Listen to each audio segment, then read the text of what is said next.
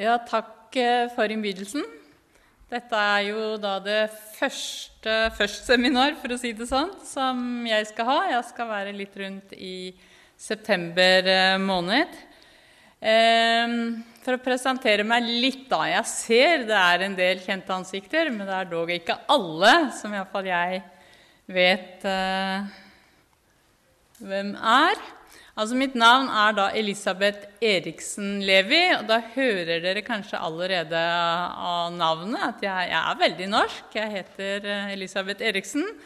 Og så har jeg altså da giftet meg inn i Levi stamme eh, med en israeler som da heter Levi, og er da Levi stamme fra gammelt av. Så jeg blir jo noe så umulig som en luthersk levitt. Det finnes jo ikke, men uh, sånn er det. Uh, jeg har da jeg kom fra Israel for en liten uke siden, så jeg har da jobbet for Israelmisjonen i ni år og vært leder av Kaspari-senteret i Jerusalem, som jeg vet noen av dere har vært på besøk der, uh, som vi kaller for jødiske og bibelske studier. Så jeg har vært det i ni år. Nå har jeg akkurat gått av. Så nå går jeg med pensjon 1.10, så dette er siste måneden jeg har å jobbe for Israelmisjonen. Men jeg har da blitt ferdig med å jobbe for Kaspari senter i Jerusalem. Men eh, når man først har flyttet på unger og mann tilbake til Israel, så er det jo ingen som nå vil flytte tilbake til Norge.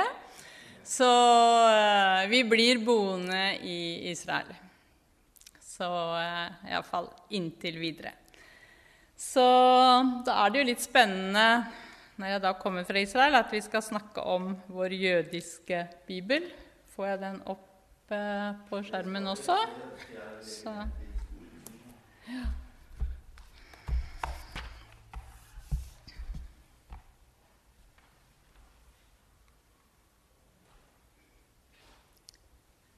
Der kom den. Så jeg har med noen bilder. altså Jeg har tenkt å dele dette foredraget i to. da. Vi har jo en eh, pause på midten også.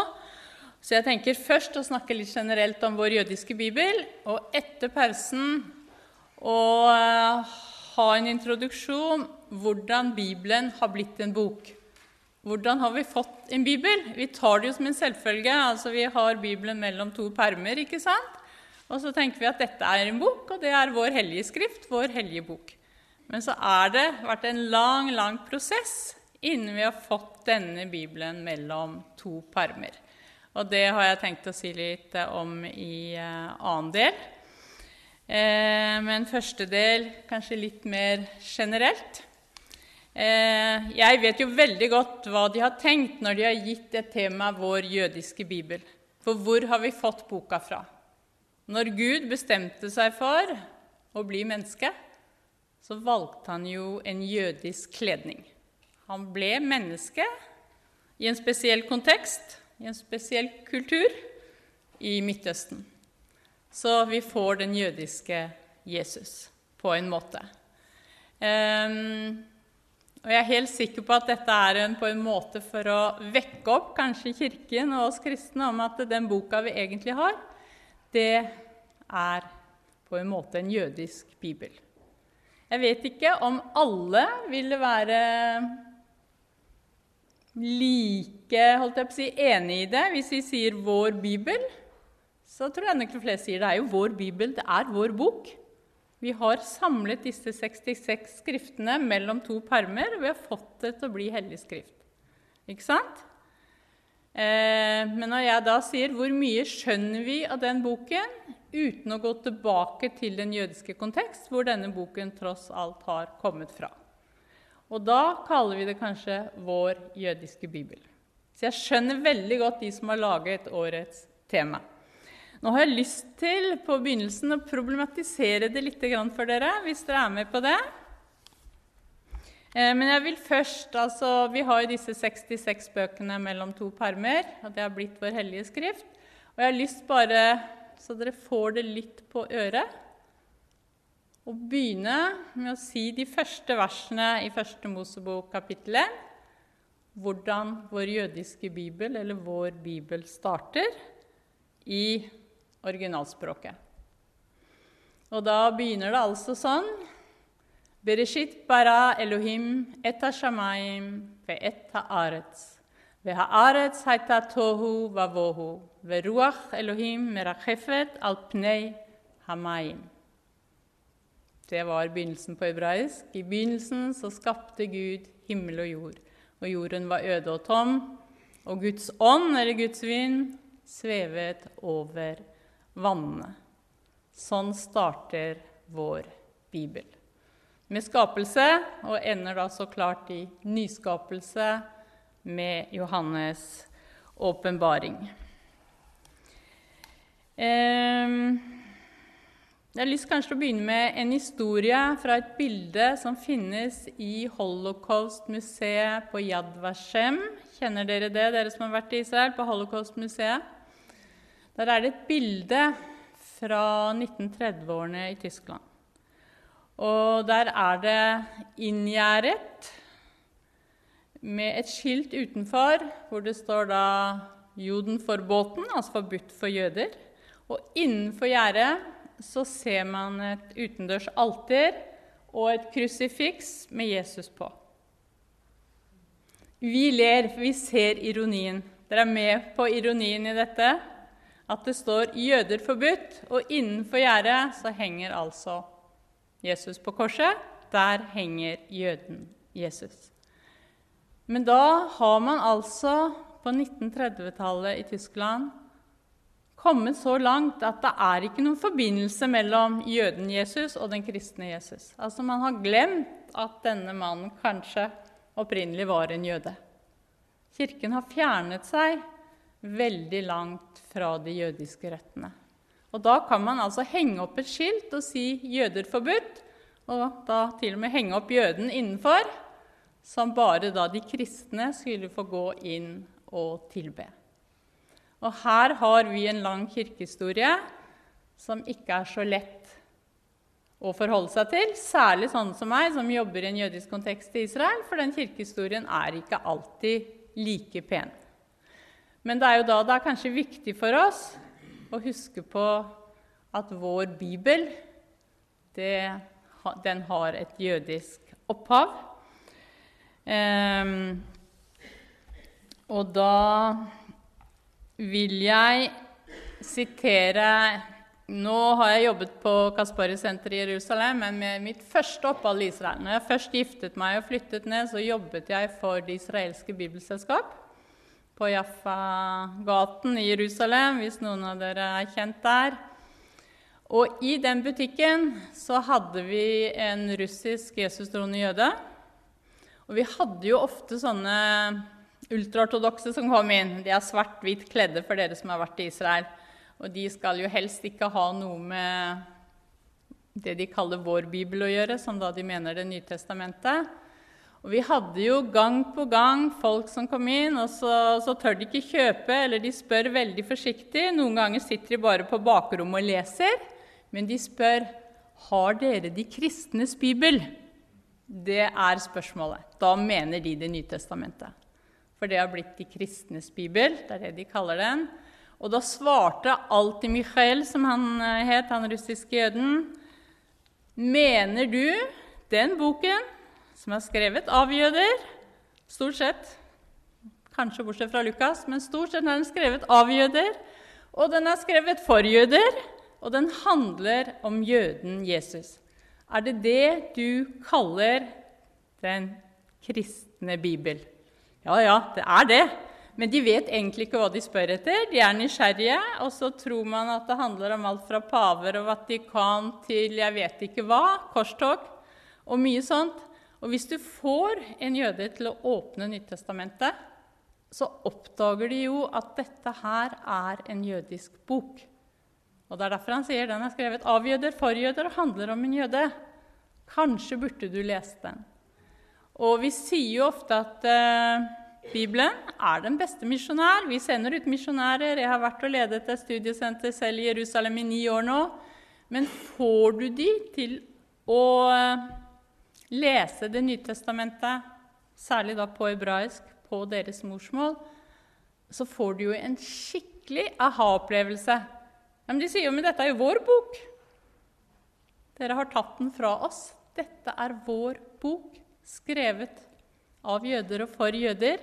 Og de oppdager jo en Jesus som de tror er en eller annen kristen figur av en eller annen sort. At dette er jo en jøde. Og som mange nå etter hvert sier, kanskje er det på tide at vi henter han hjem. De sier ikke alltid at de tror på han. Jeg tror på en måte at frelsen i Israel Noen ganger så får de sånn, og så tror de på Jesus som Messias. Men jeg tror kanskje at eh, frelsen i Israel kan gå trinnvis. Fra absolutt ikke aksept, ikke tørre å ta i et Nytestamentet, til at de sakte, men sikkert tør å lese boken. Og da skjer det som regel en revolusjon. Og de sier vi visste ikke at denne boken, denne kristne boken var en jødisk bok, som vi er et budskap til oss. Eh, og så sier de at da kan det hende at de skal hente Jesus hjem, og at dette er faktisk den mest berømte jøden som har levd.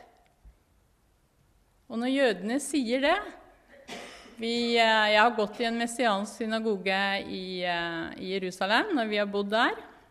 Og så kommer en dag naborabbineren på besøk eh, for å se på denne nye messianske synagogen. Da. Det, jo, det likte han jo, visste ikke helt hva det var for noe.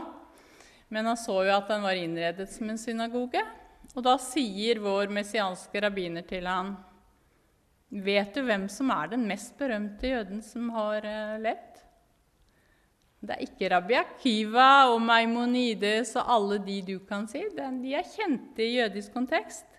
Men om du drar til bushen i Latin-Amerika eller til Grønland, eller hvor du enn drar, så har alle faktisk omtrent hørt om jøden Jesus. Og han er vår. Og da sier faktisk denne rabbineren, naborabbineren, som da var en ortodoks rabbiner, at Kanskje er det på tide å hente han hjem.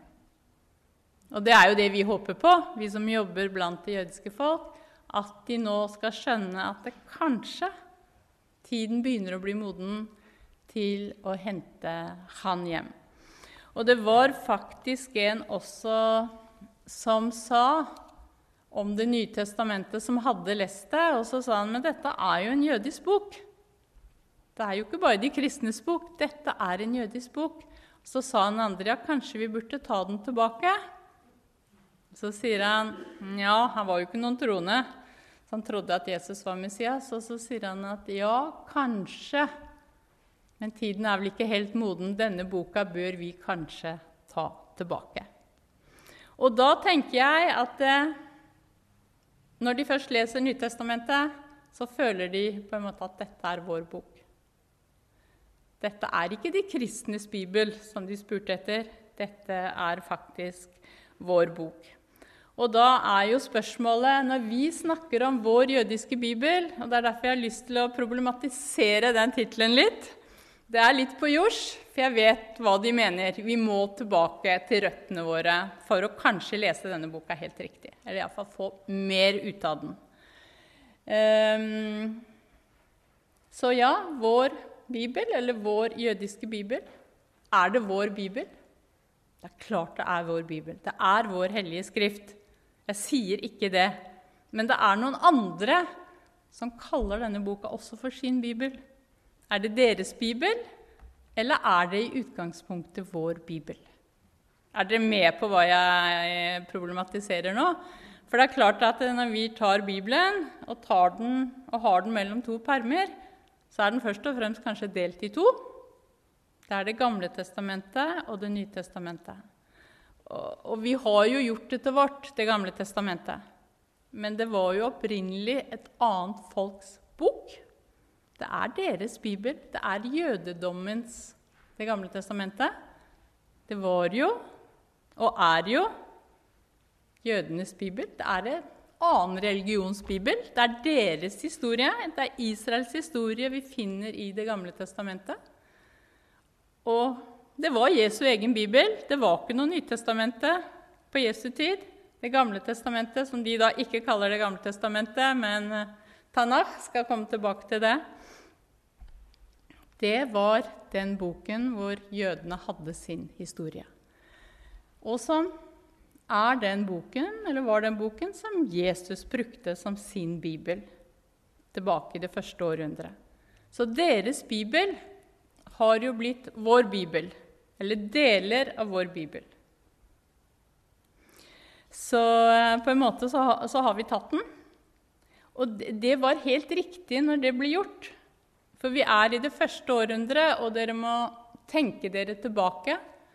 I det første århundret, hvem var det som var troende? Alle de første kristne var jøder. Ikke sant? Så det var jo deres bok. Så problemet oppstår jo ikke før, holdt jeg på å si, vi eller hedningene, eller ikke-jødene får vi kalle det, vi er jo ikke hedninger, ikke-jødene kommer inn i fullt tall, og så tar vi på en måte denne boken, og vi gjør den til vår. Og det er helt riktig, for de første som kom til tro, det var deres bibel, og vi fortsetter. Problemet er jo at den også tilhører en annen religion, som er jødedommen. Eh, så det som blir det store på slutten av det første århundret, det er jo at vi får to grupperinger som sier at dette er boka vår.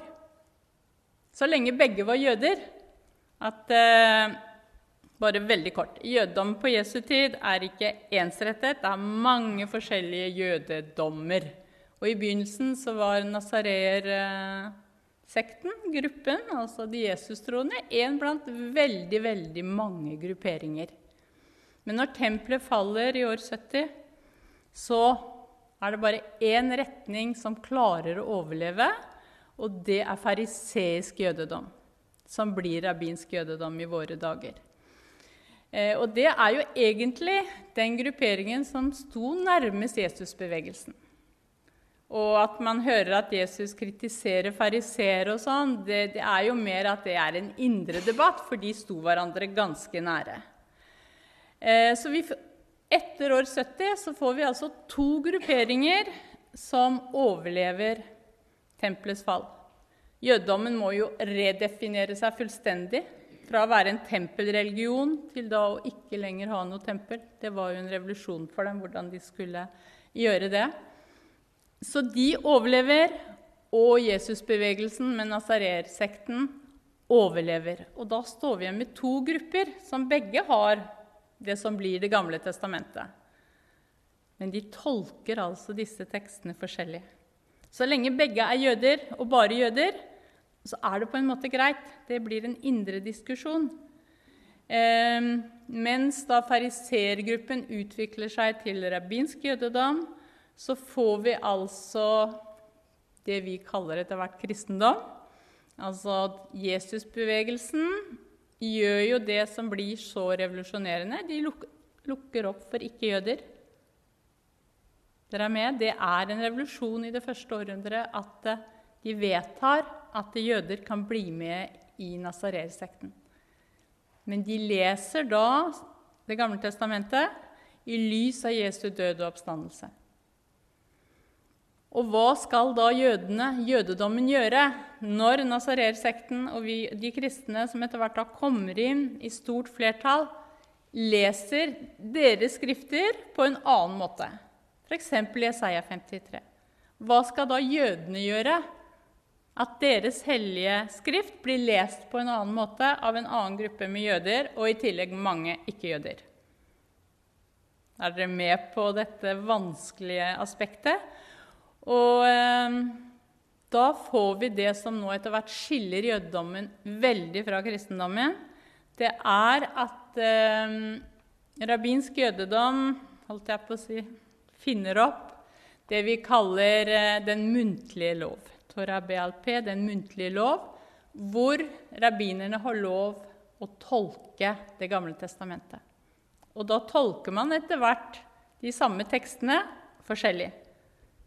Det er samme boka, men det er forskjellige tolkninger. Vi kan tenke på Jesaja 53, 'Herrens lidende tjener'. Den teksten har jødedommen tatt ut av sin eh, synagogelesning. Den er jo så tolket av oss. Dette er vår tekst, ikke sant? som beskriver Jesus. Den har vært tolket på samme måte innen jødedommen, både individuelt og kollektivt. Nå sier jødene at denne teksten skal forstås kun kollektivt. Og vi sier 'dette er Herrens lidende tjener', dette er profetien om Jesus. Samme tekst, men fordi vi til de grader har tatt teksten, så har altså synagogen tatt den ut. De leser jo gjennom profetiene og Toraen på ett år. Og Jesaja 53 er tatt ut av deres lesning. Og det sier jo noe om kampen om teksten, som de da mener at eh, vi har tatt det. Ja. Så Derfor tenkte jeg at vi skal ha det i mente når vi snakker om vår jødiske bibel, fordi den er faktisk veldig jødisk. Det er jødenes historie vi har i Det gamle testamentet. Og det tar jo lang tid før vi får del to, altså det vi nå kaller Det nye testamentet. Det nye testamentet blir først eh, holdt jeg på å si, en samling på slutten 397 etter Kristus. Man har nok Jesusfortellingene muntlig, og så lenge noe kan være muntlig, og man tror at Jesus kommer igjen rett rundt hjørnet, så behøver man ikke skrive noe ned. Men når man ser at dette drøyer, så må man begynne å skrive. Og så begynner man å samle Jesusfortellingene og det som er. Men vi er altså helt i 397 før vi har en samling som da blir kalt Det nye testamentet. Så to samlinger. GT da samlet mot slutten av det første århundret, og Det nye testamentet på slutten av det fjerde århundret. Da først får vi det som vi i dag kaller en bibel. Um, så uh,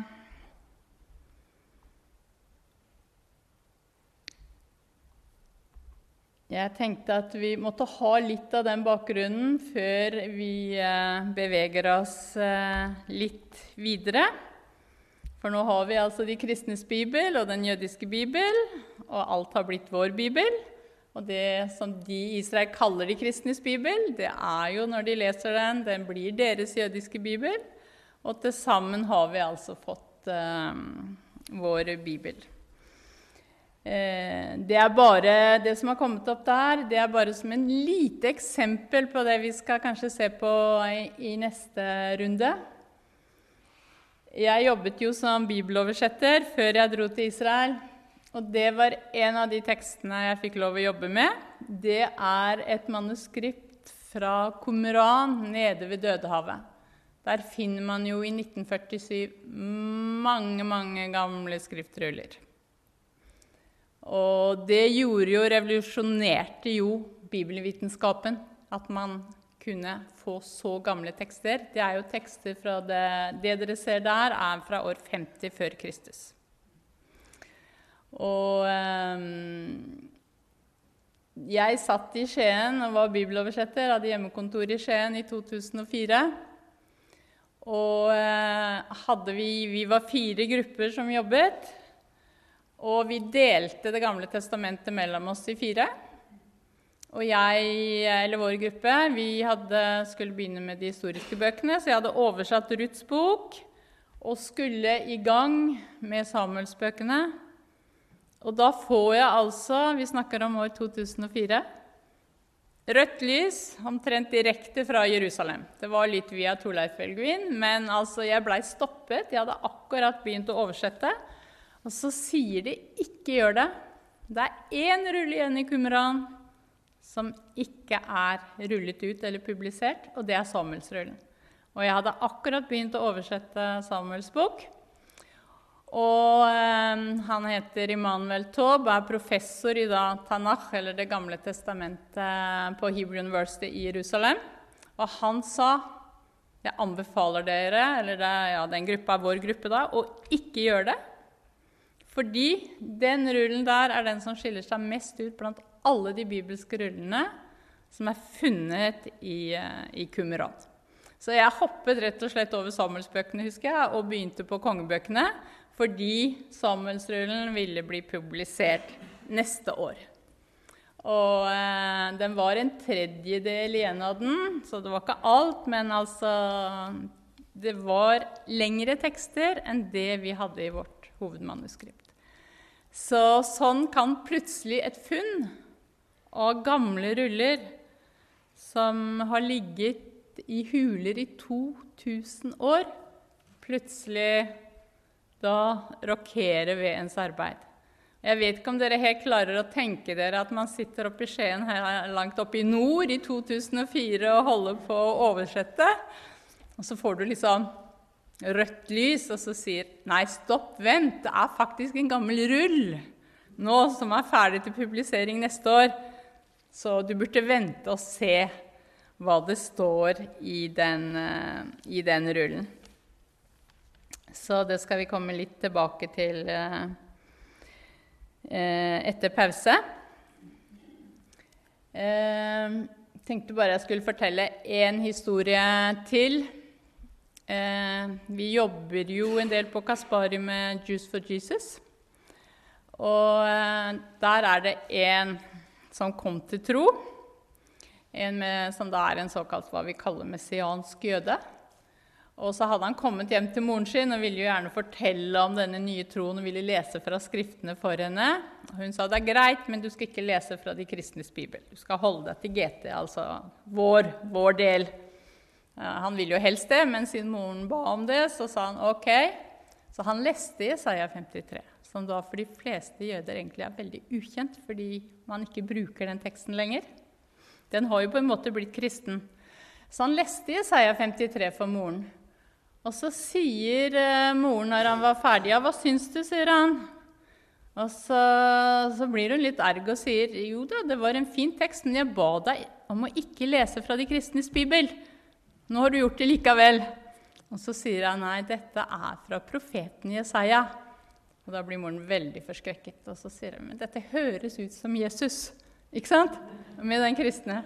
Så det, det sier jo noe hva en tekst kan eh, kan formidle.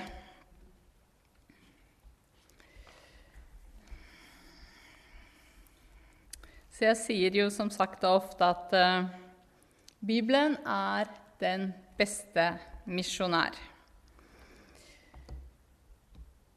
Så eh, vår jødiske bibel Så kan vi jo se at hvis vi tar Det nye testamentet og tar bort alt som er av eh, GT-sitater i, i, Det nye testamentet. Vet dere hvor mye det er? Hvor mye står vi igjen med?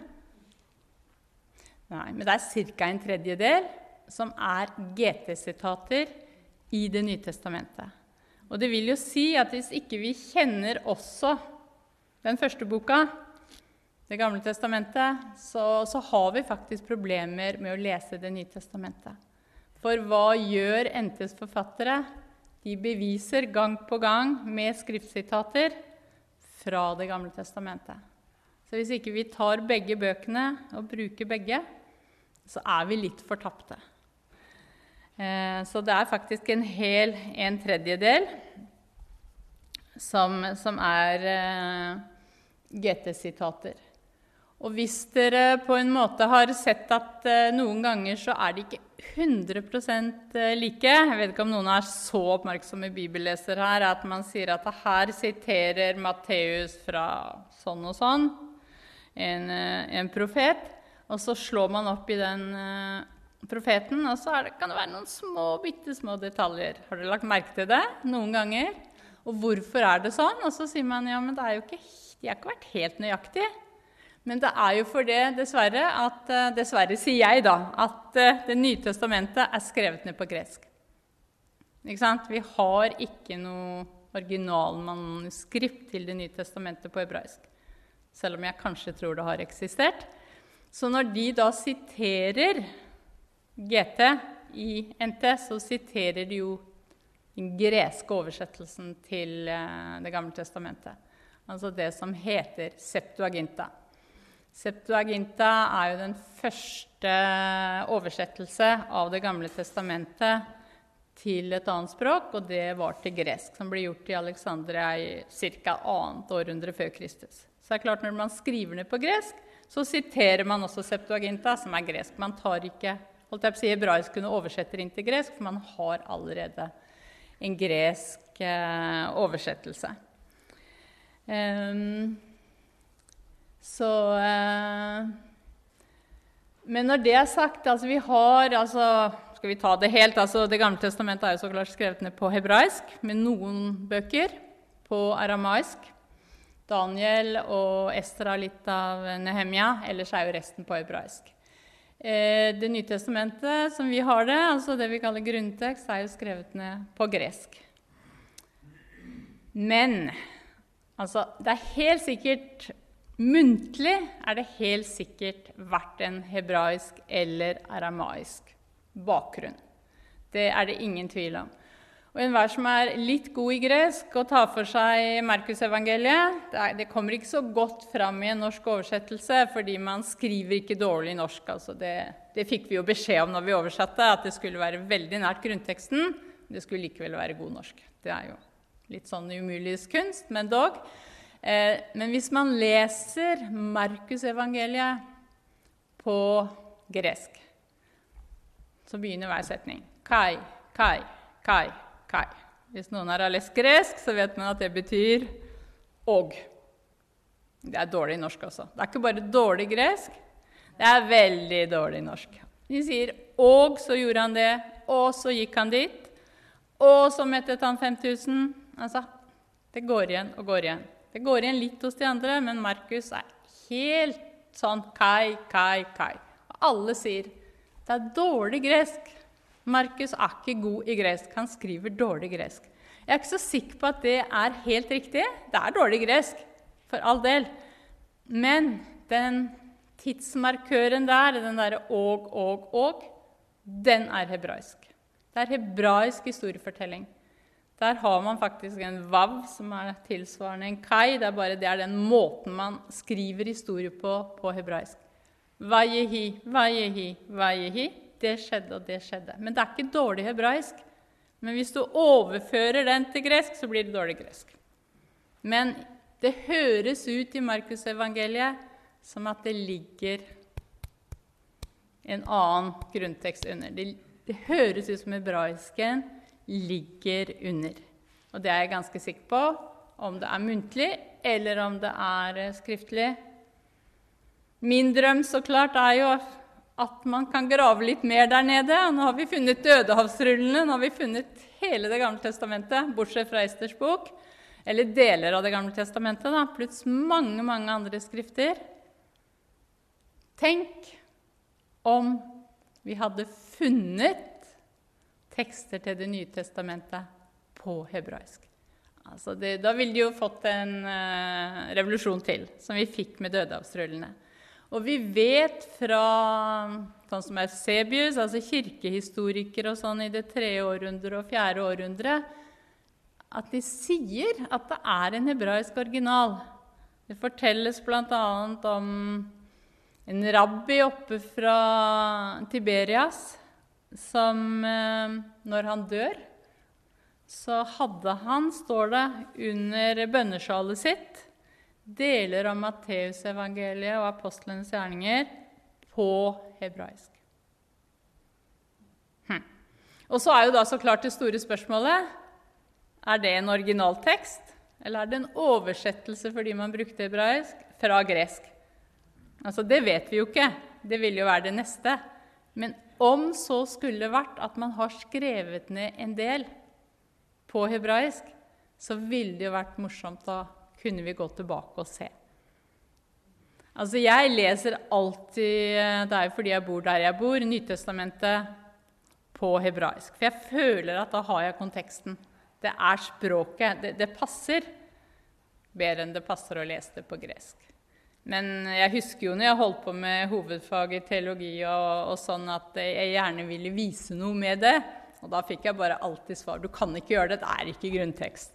Og jeg skjønner jo det. Det er ikke vitenskapelig men det passer i konteksten. Og vi kan jo på en måte se den hebraiske, særlig hos Markus, da, at det ligger under. Og eh, Det nye testamentet på hebraisk det, det, Man føler på en måte at eh, det passer sammen som hånd i hanske. Det er skrevet ned på gresk, for det var verdensspråket ikke sant? på den tiden. Men eh, vi skulle jo gjerne hatt det på Jesu eget språk. Det hadde vært eh, veldig spennende. Så vi får se. Men vi må iallfall ikke glemme at en tredjedel av den boka, det er Det gamle testamentet. Fra den jødiske bibel.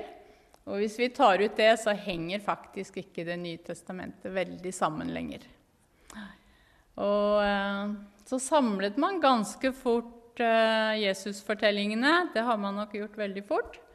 Men altså at man bestemmer at dette er NT, dette er de bøkene som skal være med i Det nye testamentet, det kommer forholdsvis sent. Eh, som sagt, eh, vi er på slutten av år 300, som det står der, før dette blir samlet til eh, bok. Så da ender vi opp med 66 bøker mellom to permer. Og så er det jo, iallfall i vår protestantiske tradisjon, så er det jo noen bøker som kanskje mangler. Jeg, eh, fordi altså, Når Det gamle testamentet slutter, så er det jo flere århundrer før Det nye testamentet, holdt jeg på å si, eller Jesusbevegelsen starter. Altså, Det er ikke belagt.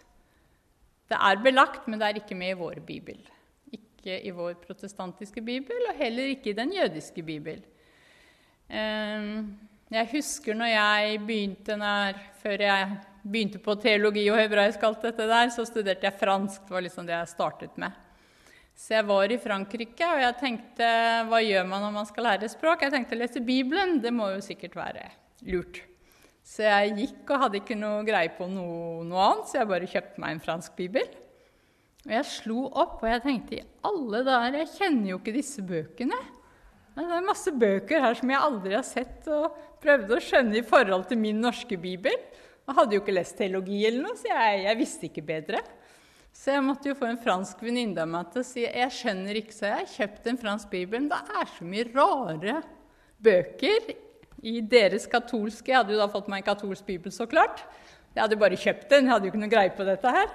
Og fikk jo da med meg det vi da kaller apokryfene til Det gamle testamentet.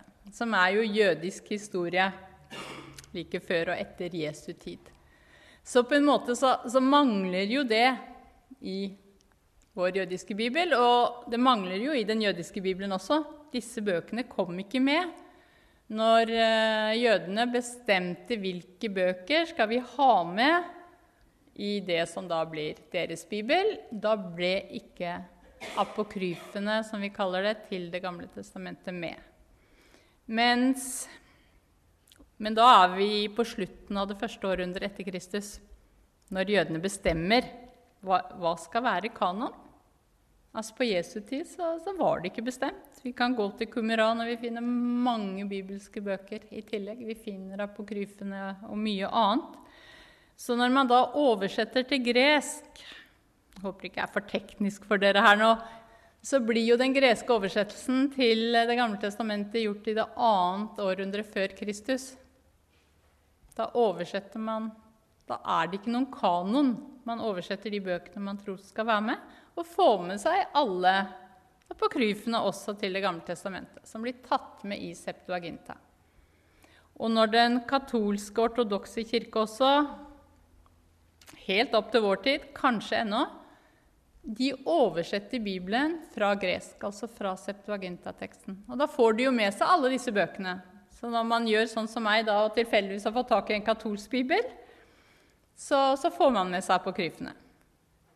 Så um, Luther sa jo at uh, man skal oversette fra originalteksten, og den er jo hebraisk. Og jødene hadde ikke tatt med disse bøkene, og da fikk vi de heller ikke med.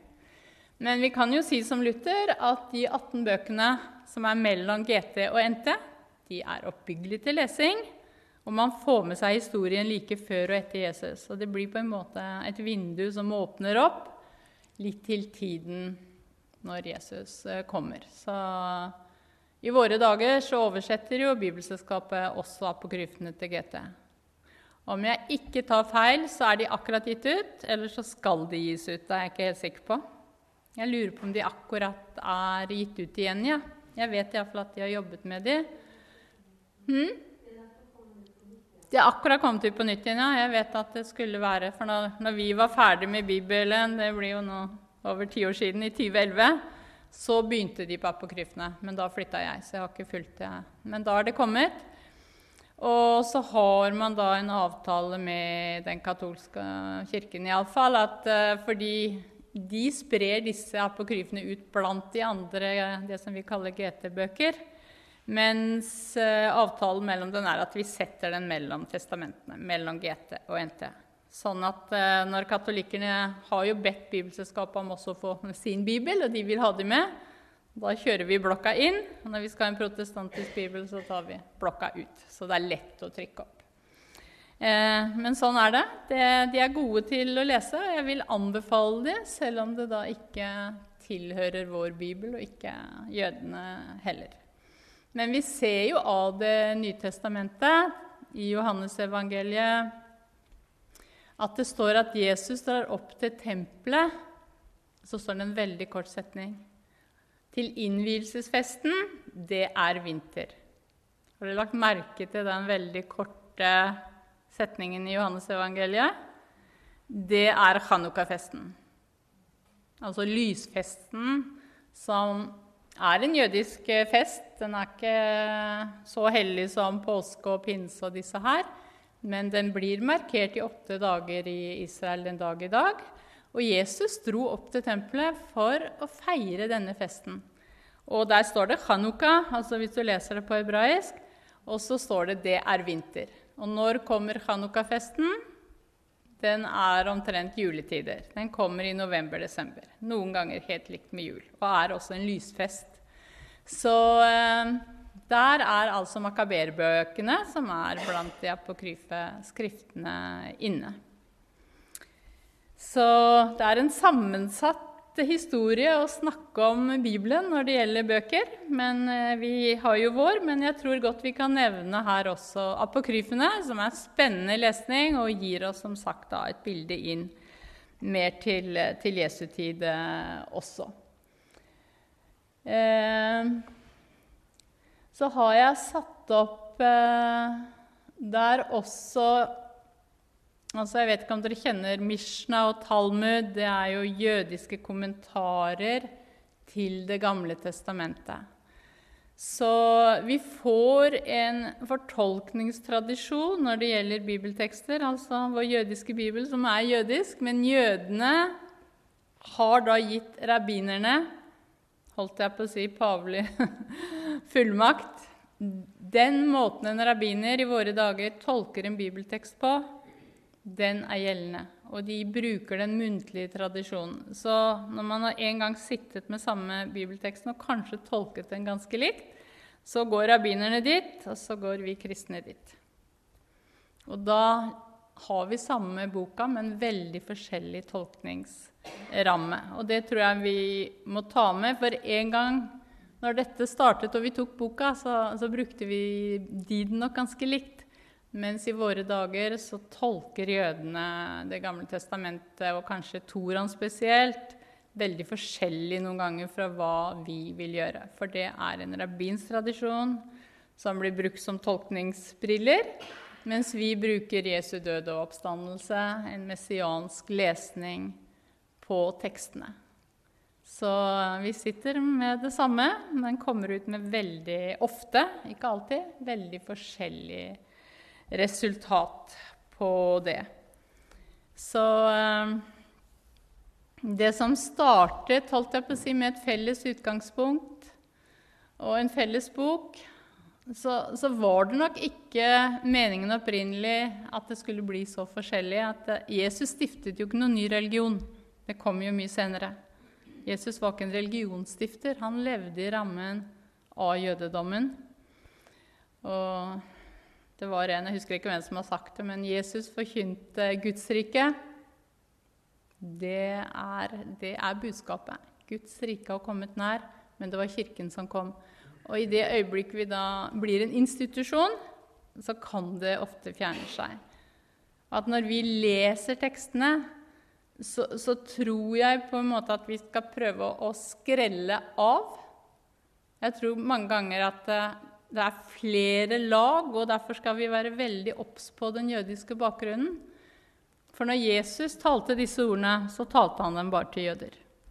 Så Jesus var jo stort sett et budskap til jøder. Man sprenger den senere. Men Jesus kom. Man må begynne et sted.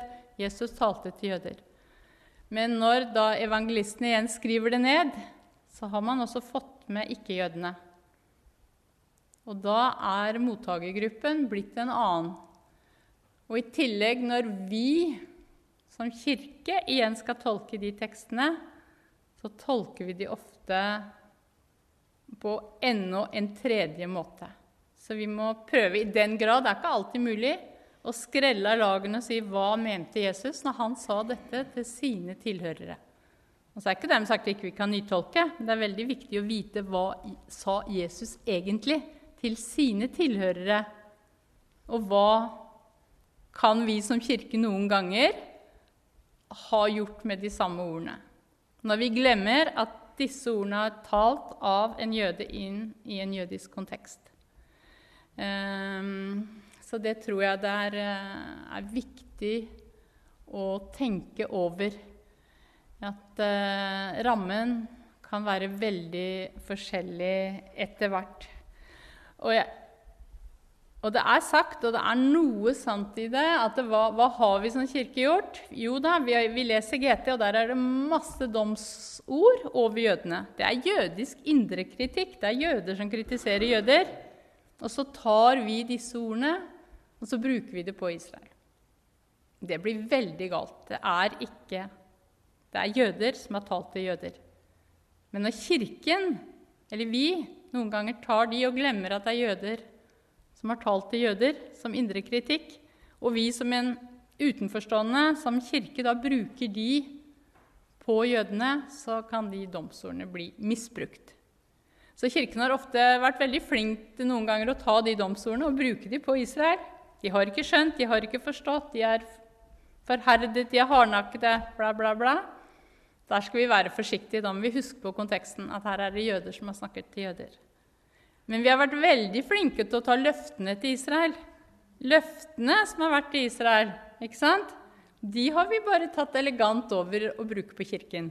Altså, Vi har latt domstolene stå der noen ganger, og så har vi tatt løftene over på oss selv som kirke. Og det er jo ofte det vi kaller erstatningsteologi. Da har vi tatt velsignelsene, men vi har latt forbannelsene stå der. Og det tenker jeg er eh, viktig å huske på når vi bruker tekstene. Og erstatningsteologien den begynner vel å være på vikende front, men Kirken har jo nesten 2000 år vært det nye Israel, som har tatt alle velsignelsene over på seg selv. Og jødene og israelsfolket har vært blinde med bind for øynene, mens Kirken har fått eh, velsignelsene. Eh, da har vi vel nesten kommet til veis ende på første avdeling her. Bare tenk, Jeg skal bare lese. Det var, eh, det var Dere skal få et hefte etterpå, og der står det i det heftet Det var Rolf eh, Heitmann som har skrevet at han fant på en plakat på en kirkevegg i Texas for at man skulle huske at Maria var ikke katolikk, Johannes var ikke baptist, og Jesus var ikke kristen. De var alle jøder. Og de hadde en jødisk bibel. Ja, da kan vi ta pause.